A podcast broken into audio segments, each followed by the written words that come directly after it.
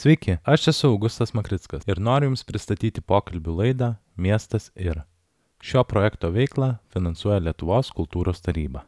Vilniaus Gedimino technikos universiteto studentė, architektūros fondo savanorė, įvairių straipsnių žurnaluose Archiforma bei Gatvės meno galerija autorė bei skirtingų zinų kurėja. Bakalauro studijų metu į mainų programoje mokėsi Müncheno technikos universitete, o šiuo metu yra nesenai grįžusi iš studijų Hanjang universitete Pietų Koreja. Laidos svečias šiandien yra Magdalena Belevska. Labas, Magdalena. Sveikas, Augustai. Kaip tu šiandien jautiesi? Labai puikiai.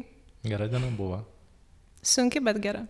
Prieisime prie studijų tiek Münchenė, tiek Seule. Sukalbėsime apie tavo keliones, zinus, kūrybą, bet įdomu, kaip visada, pradėti nuo pradžių.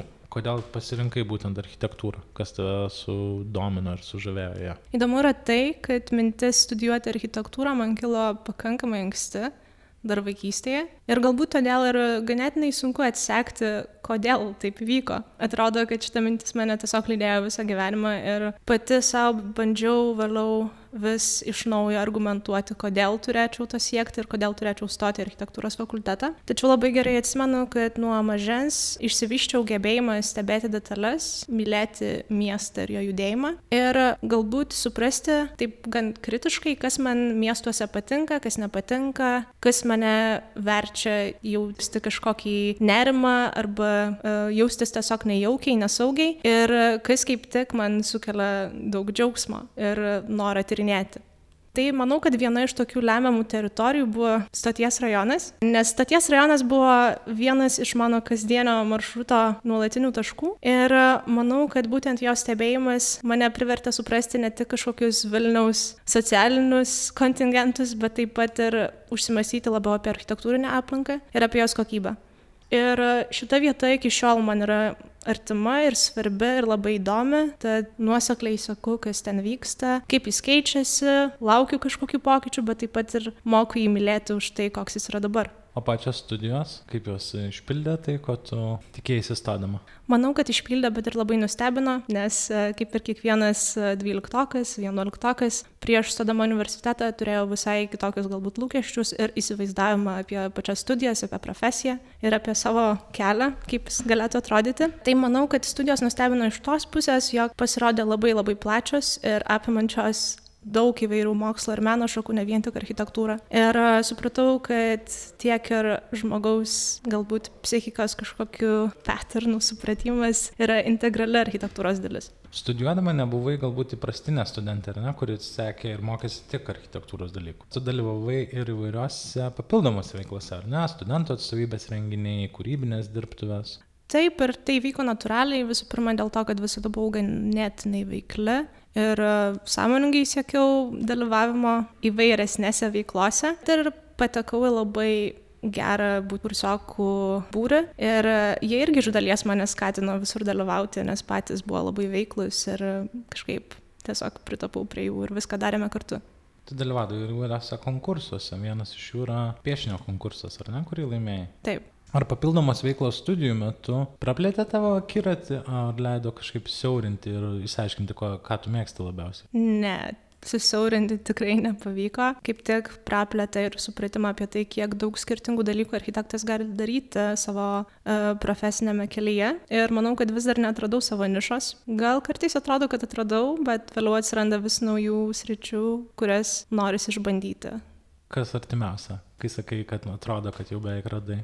Artimiausia, manau, kad esu iš būdo tyrinėtoja ir labiau už projektavimą ir kažkokių naujų realybių, kūrimą man patinka būtent tyrinėti tai, kas yra ir tai, ko dar nėra galbūt. Ir tą darau įvairiais būdais, pasitelkiu rašymą bei ir vizualiuosius menus. Tai papasakok plačiau. Rašymas turi tokias kelias disciplinas. Tai yra būtent kūrybinės rašymas, kurį aš labai mėgau ir nuo kurio pradėjau. Ir vėliau natūraliai perėjau prie tokio tyriamojo rašymo. Ir tą daryti mane paskatino pirmo studijų kurso siaurumas nuskambės labai žiauriai, bet tiek ruoždamasi stoti architektūrą, tiek jau pradėjusi studijuoti pastebėjau, kad dažniausiai yra aptariami darbai, kurie e, išsiskiria bendrame kontekste savo inovatyvumu arba estetinėmis vertybėmis, bet mažai yra kalbama būtent apie kritiką, apie tai, kaip susidaryti savo objektyvę nuomonę apie architektūrą, kaip mes, kaip e, būsimi profesionalai, turėtume apskritai vertinti viską, kas mūsų supa, ne tik tai šedevrus. mhm. ar būtent didžiasias klaidas. Ir apskritai, ar yra kažkas, ką galėtume pavadinti didžiąją klaidą architektūroje. E, tas man buvo labai įdomu ir daug apie tai galvojau ir rašymas tai buvo tiesiog būdas susitvarkyti savo pačios mintis. Vėliau pavyko dalį darbų publikuoti, bet dažniausiai vis tiek rašau savo į stalčių, nes svarbu yra, manau, suprasti kiekvienam žmogui, kuris kažką kuria, e, jog ne viskam, ką mes darome, galime atrasti tinkamiausią galbūt nišą Ir e, ne viskas galbūt yra verta publikavimo, bet viską yra verta daryti vien tik dėl tiesiog savo paties mąstymo lavinimo. Kai kalbame apie tyrimą įrašymą ar ne, arba tyrimą architektūroje, tai yra suprantamas ganėtinai visiems dalykas - kritika, ar ne, vienokia ar kitokia. O kūrybinis rašymas apie architektūrą čia truputį sudėtingiau.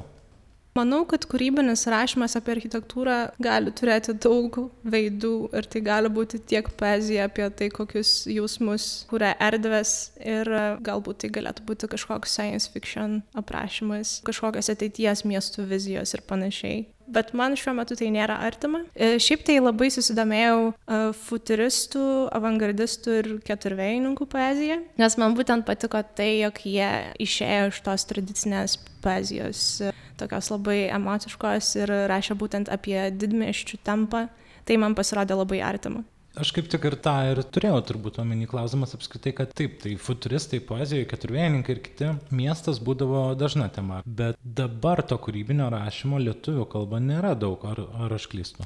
Kas liečia architektūrą, tai manau, kad nėra. Ir dabar vis daugiau žmonių, jaunų ir jau patyrusių profesionalų, būtent e, žengia į tą tyriamojo rašymo kryptį. Mhm. O tai kūrybinis rašymas apie architektūrą, ar tai yra vis dėlto aprašomasis dalykas ir miestas yra kaip vieta, erdvė ar veikėjas? Manau, kad e, bet kokiu atveju, ne tik mene, bet ir šiaip gyvenime miestas visada yra veikėjas. O kaip atsirado tas rašymas apskritai tavo gyvenime? Man rašymas atsirado iš skaitimo, skaityti pradėjau anksti. Toks uh, įdomus faktas, kad nelankiau darželio ir nelabai turėjau ką veikti dažniausiai. Tai skaitydavau daug, labai daug skaitydavau ir tiesiog uh, bandydavau skaityti įvairių žanrų literatūrą ir vėliau kažkaip natūraliai pabandžiau pati rašyti. Rašymas yra viena tavo pusė, tai yra vis dėlto vizualieji menai. Tu darai abu ir sakai, kad daug rašai, bet to pačiu tavo zinai, kuriuos kuri, yra labai vizualūs. Gali pakomentuoti apie tai?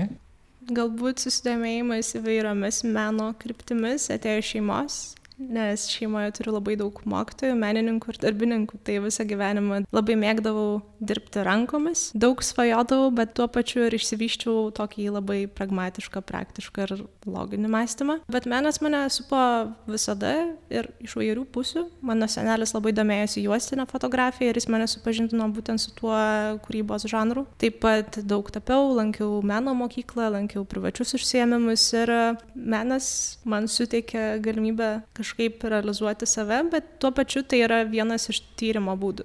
Negalėčiau pasakyti, kad esu menininkė, galėčiau pasakyti, kad esu tyrinėtoja labiau. Mhm. Ir būtent zinai, kuriuos kūriau, tai yra juostinės fotografijos ir grafikos mišinys. Tai, ką iki šiol esu padariusi, tai būtent kadrai iš mano kelionių arba įspūdžiai iš skirtingų miestų, papildyti grafinėmis intervencijomis. Ten irgi galima rasti žodžių, bet man atrodo, kad vizualiai menai man padėjo atsisakyti vertinimo juoda-balta kategorijose ir peržengti per tų būtent gražu, negražu, blogai, gerai, terminų apskritai mano kasdienėje kalboje ir suvokime pasaulio. Ir mane labai domina kontrastai. Dažniausiai vizualiais būdais bandau pavaizduoti kontrastus ir tai ant jo kontrastų iš tiesų nėra. Viskas yra labai panašu, viskas labai organiška šitam pasaulyje. Tiek tas, kas yra sukurta žmogaus ir gamta.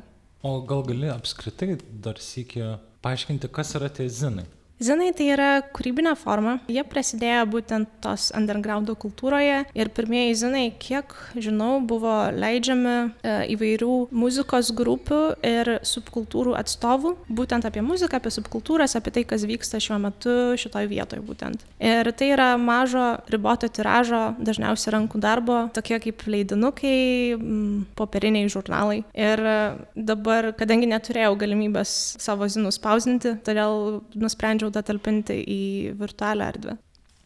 O tai koks buvo pats pirmasis zinas, kurį tu darai? Patys pirmieji zinai, tai buvo mano vaikystėje įkurtos knygelės, Mhm.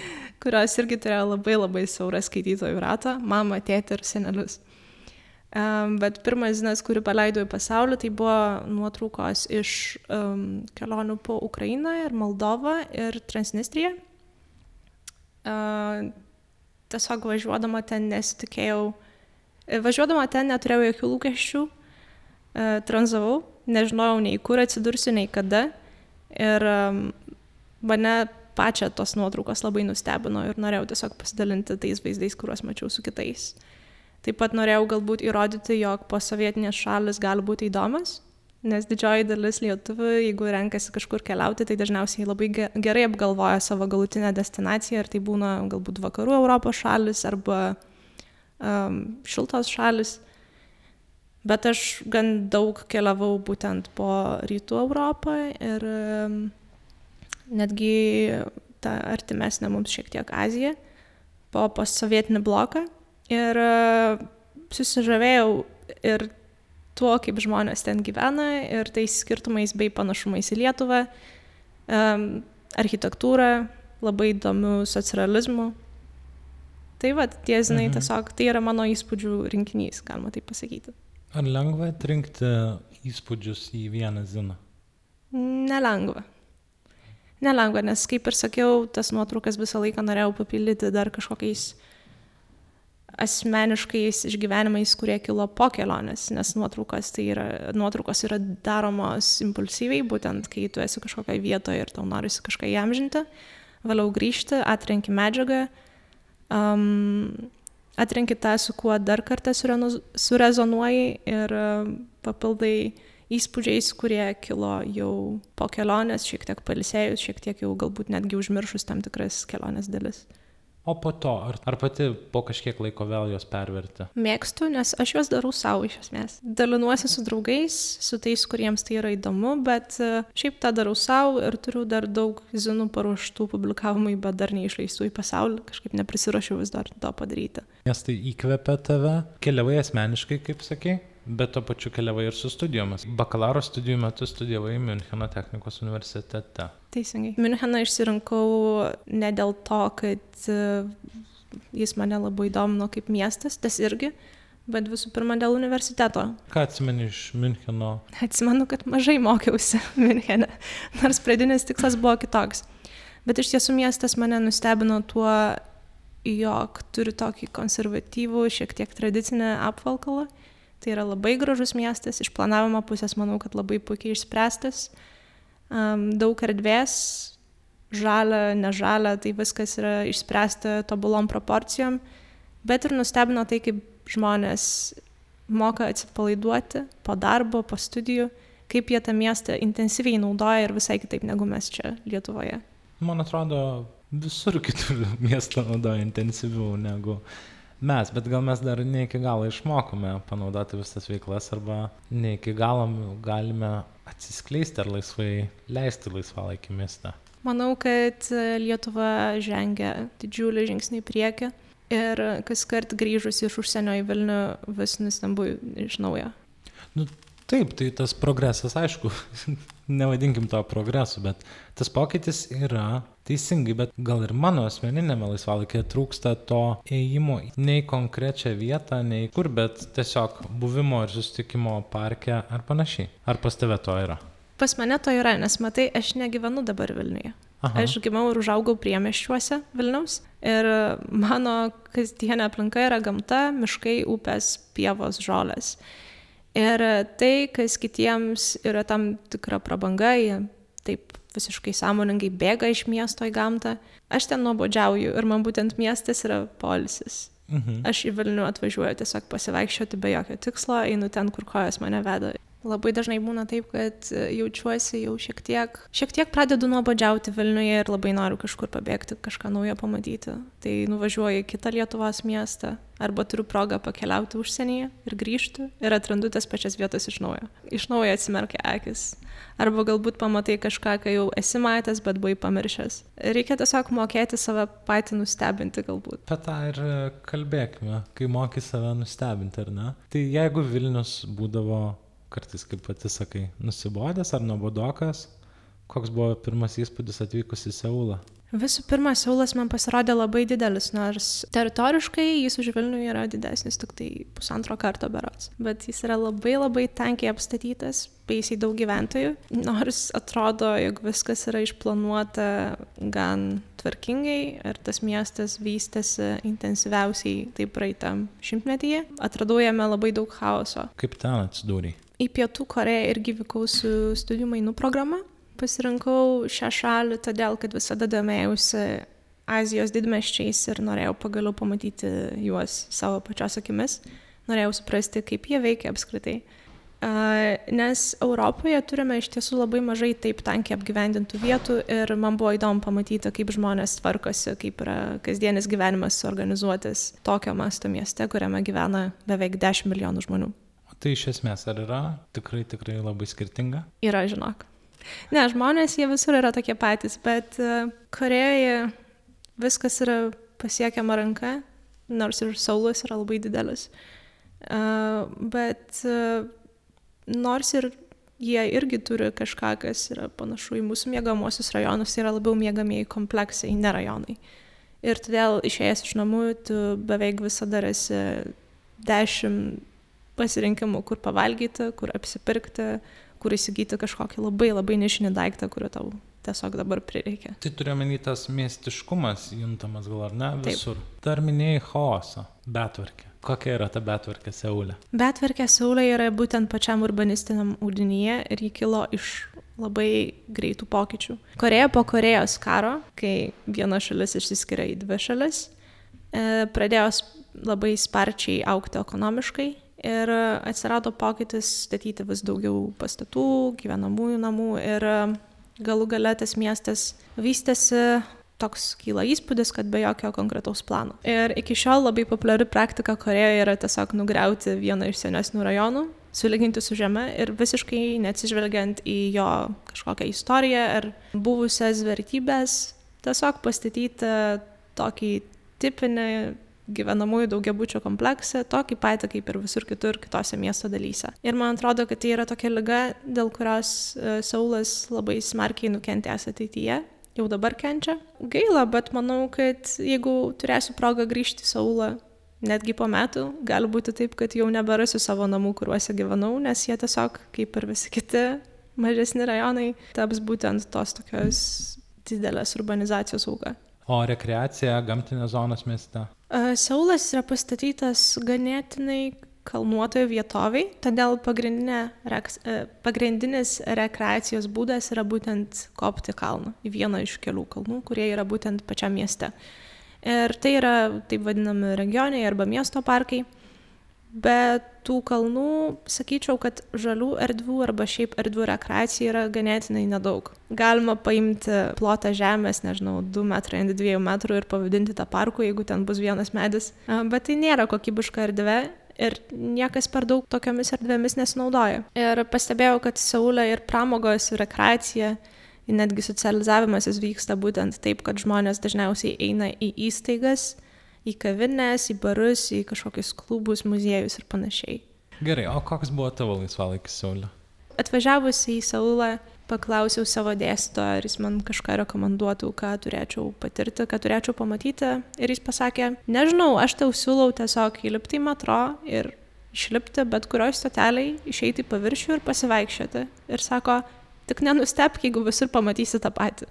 Tai aš taip ir darau. Iš tiesų, pusę metų taip leidau laisvalaikį, kad tiesiog vaikščiau po miestą, važinėjau viešuoju transportu ir bandžiau pamatyti um, tuos skirtingus rajonus, skirtingas vietas, ieškoti skirtumų, ieškoti panašumų, pajausti tiesiog vietinę atmosferą. Ypač tuose didmiesčiuose, kurie turi metro, kartais labai sunku sujungti tą miestą. Būtent tas važiavimas, kad ir nepasirinkta kryptimi, bet kur išlipimas, vėl įlipimas, vėl išlipimas, tu tarsi tyrinėjai miestą tokiais spotais, bet ne visada žinai, kaip susijungia tam tikros erdvės. Ten dėl to siūlau naudoti popierinius žemėlapius. Um, tai yra toks įrankis keliautojams, kuris jau nyksta Ir šiaip buvo labai sunku įsigyti popierinį saulo žemėlapį, bet kažkur radau tokį. Tiesiog pasiemi pieštuką, pasiemi žemėlapį, įlipi į tą patį metro, išlipi kažkokiai visiškai atsitiktiniai stateliai, bet vėliau bandai sujungti, kur tu esi dabar ir kaip tu galbūt patektum tą vietą, jeigu eitum peščiom keliaujant mažesniuose miestuose, ar ne, turi tos ženklus kažkokius, nebūtinai architektūrinius, tu kerti upę per tiltą. Keliaujant metro, tu kaip ir nepamatai tos upės. Ir po to, žiūrėdamas iš šalies ar iš kokios nors miesto panoramos, tu matai upę, bet nesupranti, kad kirtai ją arba kad buvai kitoj pusėje. Šiaip manau, kad nesvarbu, kokio dydžio yra miestas, bet visada yra labai smagu pasiklysti. Ir nereikia to bijoti, manau, kad reikia netgi tikslingai sukurti savo sąlygas pasiklysti dar visiškai naujam mieste, naujoje erdvėje. Pabuvus tenai, ar tu galėtum apibrėžti kažkokią to miesto problematiką? Matai pagrindinės įdas be jau minėto pasirinkto vystimo būdo? Kas liečia būtent tą pastatytą aplinką, tai labai šlubuoja architektūros kokybė ne tik urbanistinio planavimo, bet ir pačių pavienių pastatų kokybę. Teisinio reglamentavimo trūksta. Iš tiesų, kaip supratau, ten galima visokius reikalavimus apeiti, jeigu turi pakankamai pinigų ir proto. Ir dėl to iškyla labai daug pastatų, tokių svetimkūnių, tam tikrose vietose, kur gaunasi taip, kad nei jų gyventojai ar naudotojai nejaučia tos kokybės, nei niekas aplinkui. Kas liečia pačią estetiką, tai pastebėjau, kad daug vietos užima kičas, interpretavimas tam tikrų istorinių istorinių motyvų, kurie yra visiškai niekaip nesusiję su Koreja. To vakarietiško pasaulio imitacija, kuri nėra nei kokybiška, nei, nei tinka šiai vietai, nei kažkaip ją praturtina, papildo. Man iš tiesų ta tradicinė Korejos architektūra yra labai miela, labai įdomi ir savotiška ir norėtųsi, kad ir patys korejiečiai mokėtų ją įvertinti, taip kaip vertina būtent turistai arba atvykėliai. Ar Saulo tankumas nevargino tavęs? Manau, kad e, manęs nevargino, nes aš buvau to ištroškusi ir dėl to važiavau į Saulą. Bet e, žmonės, kurie galbūt e, gyvena dideliuose miestuose ir būtent yra ištroškę tos gamtos, manau, kad juos vargintų tikrai. Dar reikėtų atsižvelgti tai, kad važiavau karantino metu, tai buvo daug visokių reguliavimų, nemažai įstaigų buvo uždaryta ir dėl to pamažėjo apskritai žmonių srautai.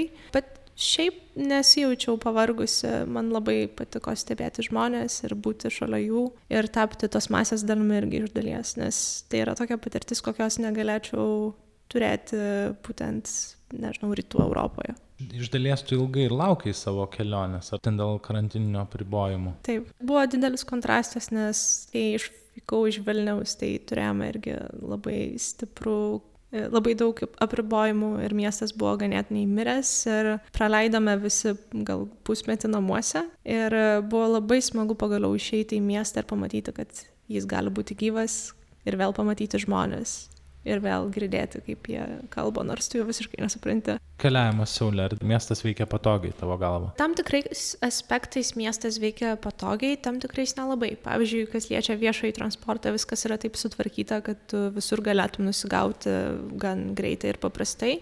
Iš kitos pusės tas viešasis transportas ne visada yra komfortiškas. Pavyzdžiui, važiavimas autobusu Saulė tai yra didelė rizika sveikatai ir gyvybei, sakyčiau. Kodėl? Um, vairuotojai veža labai greitai, labai nepaiso kelio eismų taisyklių ir, žodžiu, jautiesi kaip bulvių maišas. Sunku yra netgi išsėdėti kėdėje. Mhm. Ką jau kalbėti apie tai, kad kartais reikia atsistoti. Um, bandžiau ir dviračiais važiuoti, bandžiau eiti, tiksliau nebandžiau, bet privalėjau daug, daug vaikščioti po patį Saulą. E, tai taip, manau, kad e, kas liečia susisiekimą, tai viskas ten yra ganėtinai gerai išspręsta, bet kiti aspektai galbūt nėra taip gerai apgalvoti. Pavyzdžiui, šiukšlių vežimas mane labai nustebino. Ir mhm. apskritai būtent e, kažkokie, kažkoks miesto tvarkymas Saulas yra labai purvinas. Korėja yra labai purvina, labai užteršta, vepia iš ties labai nemaloniai. Šiukšlas yra tiesiog metamos iš šaligatvį ir tiesiog tikimasi, kad kažkas jas kada nors surinks. Ta iš karto ir pastebėjai tą netvarkingumą vos Taip. atvykus? Taip, iš karto pastebėjau. Pirmas dvi savaitės praleidau karantinę viešbutyje e, ir kiekvieną dieną stebėjau tas gatves iš 14 aukšto ir mačiau daugiau šiukšlių maišų ir krūvų negu žmonių gatvėse. Pataisyk mane, jeigu aš neteisus, bet ar nėra tenai didesnė vyresnio amžiaus žmonių populiacija? Yra ir ta populiacija vis auga. Iš tiesų yra tokios prognozijos, kad e, Koreja už kelių šimtmečių gali išnykti, nes tiesiog nebeliks žmonių. Ta prasme, bendrai sakant, ar ne, kad miestai vis senėja iš Taip. žmonių pusės. Ir ten labai jaučiasi, kad miestai senėja ir kad jie yra visiškai nepritaikyti būtent vyresnio amžiaus žmonėms, kurie turi problemų su mobilumu, kuriems yra sunku kopti tuos kalnus ir, ir šiaip naudotis tais autobusais, kurie važiuoja nežmoniškų greičių. Mhm, Aš apie tą, nes aš kažkaip galvojau, kad yra, bus atvirkščiai, ar ne, jeigu populiacija senėja, tai mieste dažniausiai atsiranda kažkokių reakcijų, tai tampa paprasčiau keliauti, pasiekti ir panašiai, bet tu kalbi, kad yra atvirkščiai. Ir atvirkščiai. Aišku, yra tų tokių smulkesnių reakcijų, kaip tu ir sakei, pavyzdžiui, visą laiką prie perėjos, kur kartais tenka labai ilgai stovėti ir laukti žalios šviesos, yra padaryti visokie ten suoliukai su skiečiais, kad e, galėtų prisėsti vyres, vyresnio amžiaus žmonės. Um, metro, kiekvienam vagonė yra specialios sėdynės būtent vyresnio amžiaus žmonėms, kur niekas kitas nesėdi, net jeigu nėra vyresnio amžiaus žmonių vagone. Uh, tai e, taip, tokie smulkus dalykai yra padaryti, bet kas liečia patį miestą, na manau, kad sunku yra pašalinti reljefą, sunku yra pašalinti topografiją ir kažkaip su, su, su ją kovoti. Ir dėl to Saulas yra nepatogus. O taip pat į tą kalną, kur minėjai, esi užkopus. Esu ne vieną. Dar kita problema, kurią minėjai arba šiaip užsiminėjai, ar ne, yra tas aplinkosaugos dalykas arba tarša tiesiog miestuose. Kaip tai yra sprendžiama? Mm, Nėra labai reaguojama. Ta prasme, visi yra priversti rūšiuoti šiukšles, bet kaip supratau, jos vis tiek visos keliauja į tą pačią vietą ir yra tiesiog deginamos. Labai dažnas reiškinys yra smogas, per kurį nieko nesimato, horizonto nesimato, saulės nesimato. Ir su tuo nėra kaip kovoti per daug. Reikėtų padaryti did- didesnius žingsnius, negu tiesiog susitvarkyti su mažomis paprastų žmonių generuojamomis atliekomis. Aš, pavyzdžiui, niekada nesu patyręs smogo. Ko, kaip, kaip visą tai atrodo ir yra iš tikrųjų. Labai tirštas toks pilkšvai gelsvas rūkas. Bet ar tu kvepuodama irgi jauti kažką, ar ne? Privalėjome būti visą laiką su kaukėmis dėl karantino, bet manau, kad jeigu nebūtų karantino, tai žmonės vis tiek dėvėtų kaukės. Ir visi užsinstaliuoja į telefoną mobiliasias programėlės, kur galima sekti būtent užterštumo lygius. Būna tokių dienų, kai apskritai nėra siūloma eiti į gatvę. Stengiuosi kuo mažiau nusimti tą kaukę ir galbūt tiesiog ilgiau pabūti kažkokioje uždaroje patalpoje negu, negu kažkur. O grįžus čia, pradėjai vertinti apskritai ir švarą mieste, sakykime, ir...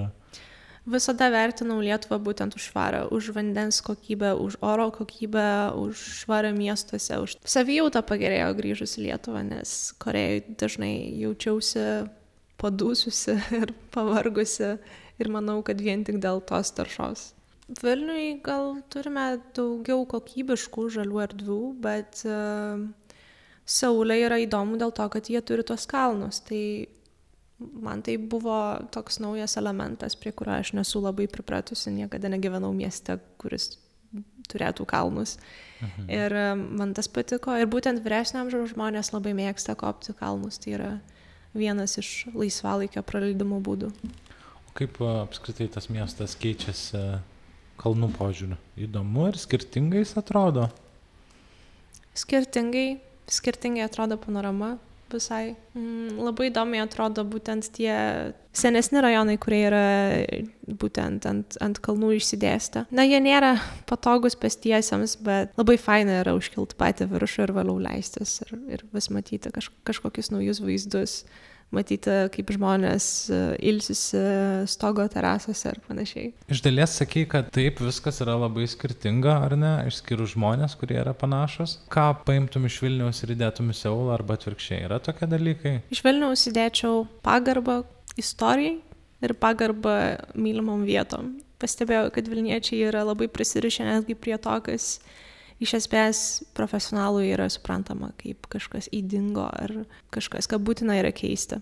Korejai, man atrodo, kad žmonės neprisirašia daug, per daug prie vietų ir jie taip labai laisva ranka leidžia keisti miestą. Net jeigu pokyčiai ne visada veda į geresnę pusę. Papasakok apie patį universitetą, kaip vyko studijos ten. Studijos vyko ir nuotoliniu būdu, ir gyvai turėjau kelias paskaitas gyvai.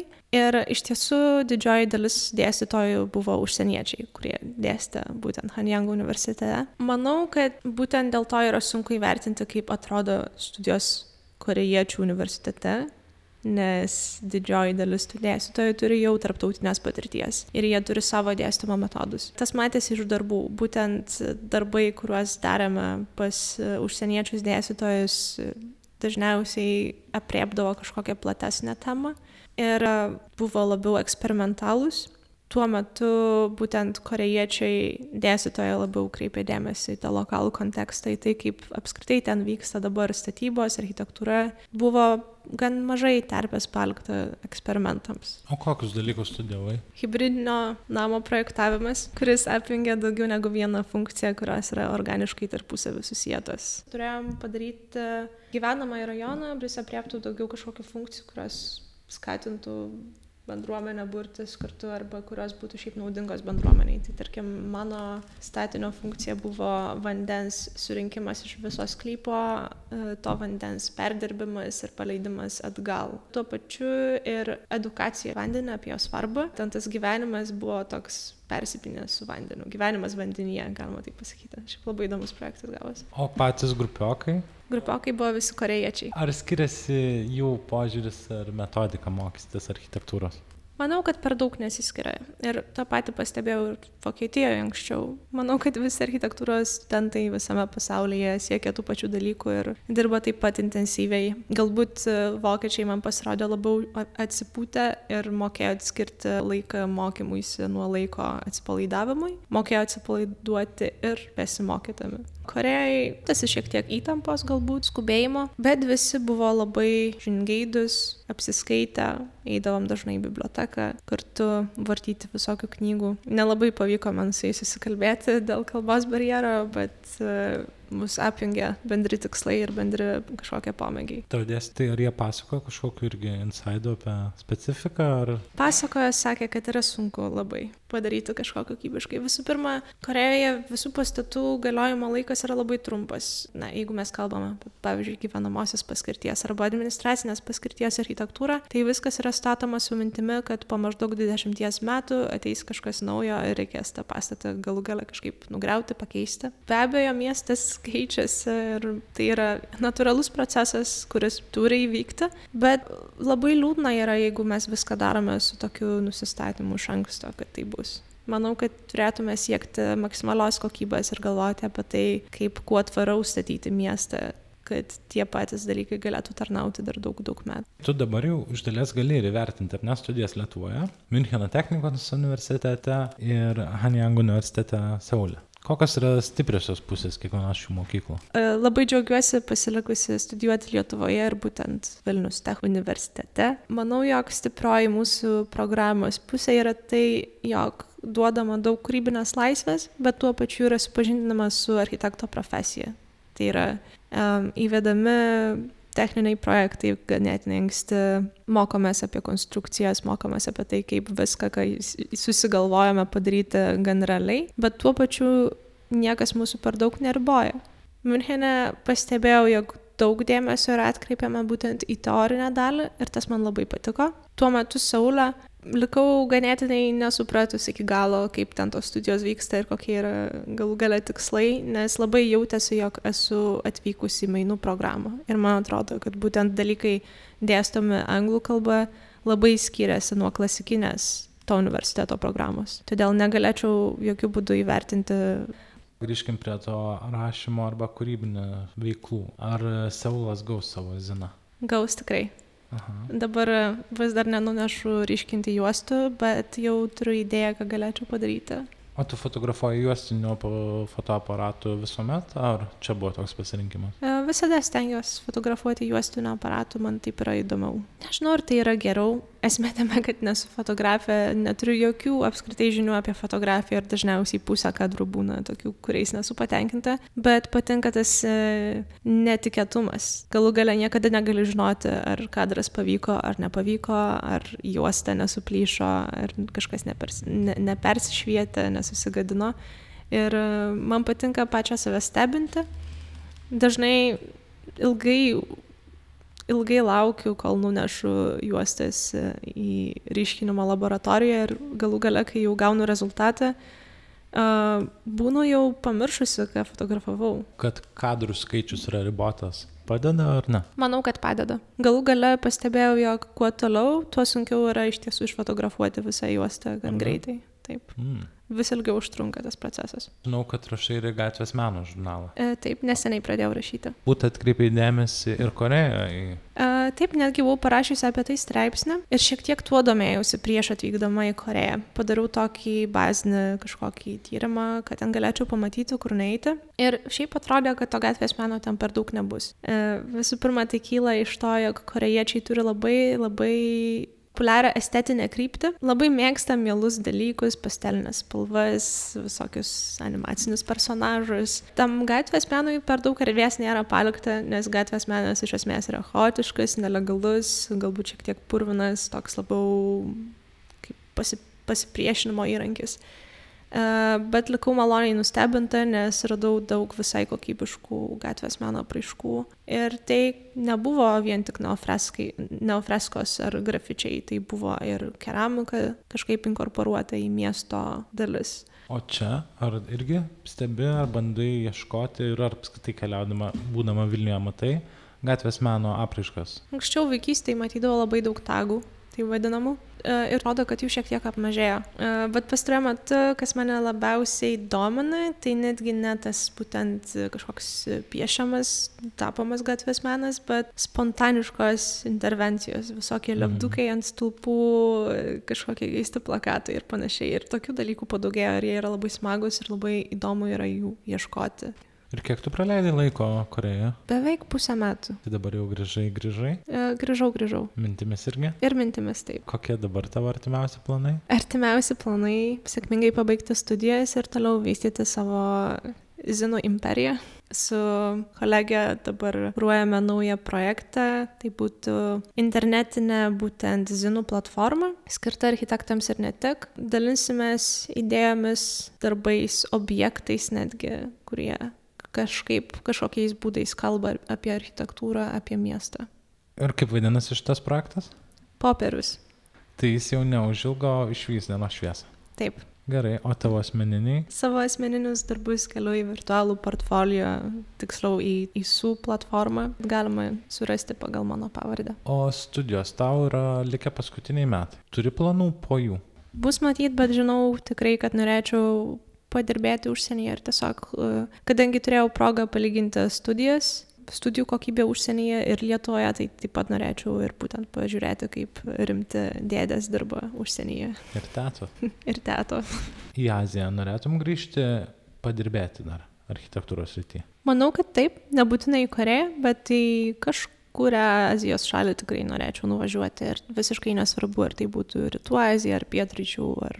Kadangi žinau, kad esi žingeidi ir skaitai, e, galbūt ir kitiem nori kažką parekomenduoti, kas galėtų atskleisti Aziją. Norėčiau parekomenduoti knygą apie metabolizmą, vadinasi Project Japan. Didelis objektas, daug skaitimo, daug e, vartimo ir žiūrimo, bet labai, labai rekomenduoju. O šiaip šiuo metu skaitau vaikštomą miestą. Ir tai irgi akis atverinti knyga ypatingai Vilniečiams, kurie galbūt neįvertina to, ant kiek iš tiesų tas miestas yra draugiškas pestiesiems ir kodėl tai yra svarbu gyvenimo kokybei. Gera knyga. Ir paskaitos geras. Ir idėjas geras. Taip, man irgi patinka. Ačiū labai tau, Magdalena, kad atėjai ir sutikai pasikalbėti ir pasidalinai apie studijas korėjoje ir studijas kitur bet ir apskritai papasakojai apie tą seulą. Tikiuosi vieną dieną irgi galėsiu išvyst linkiu tau to ir dėkoju už įdomius klausimus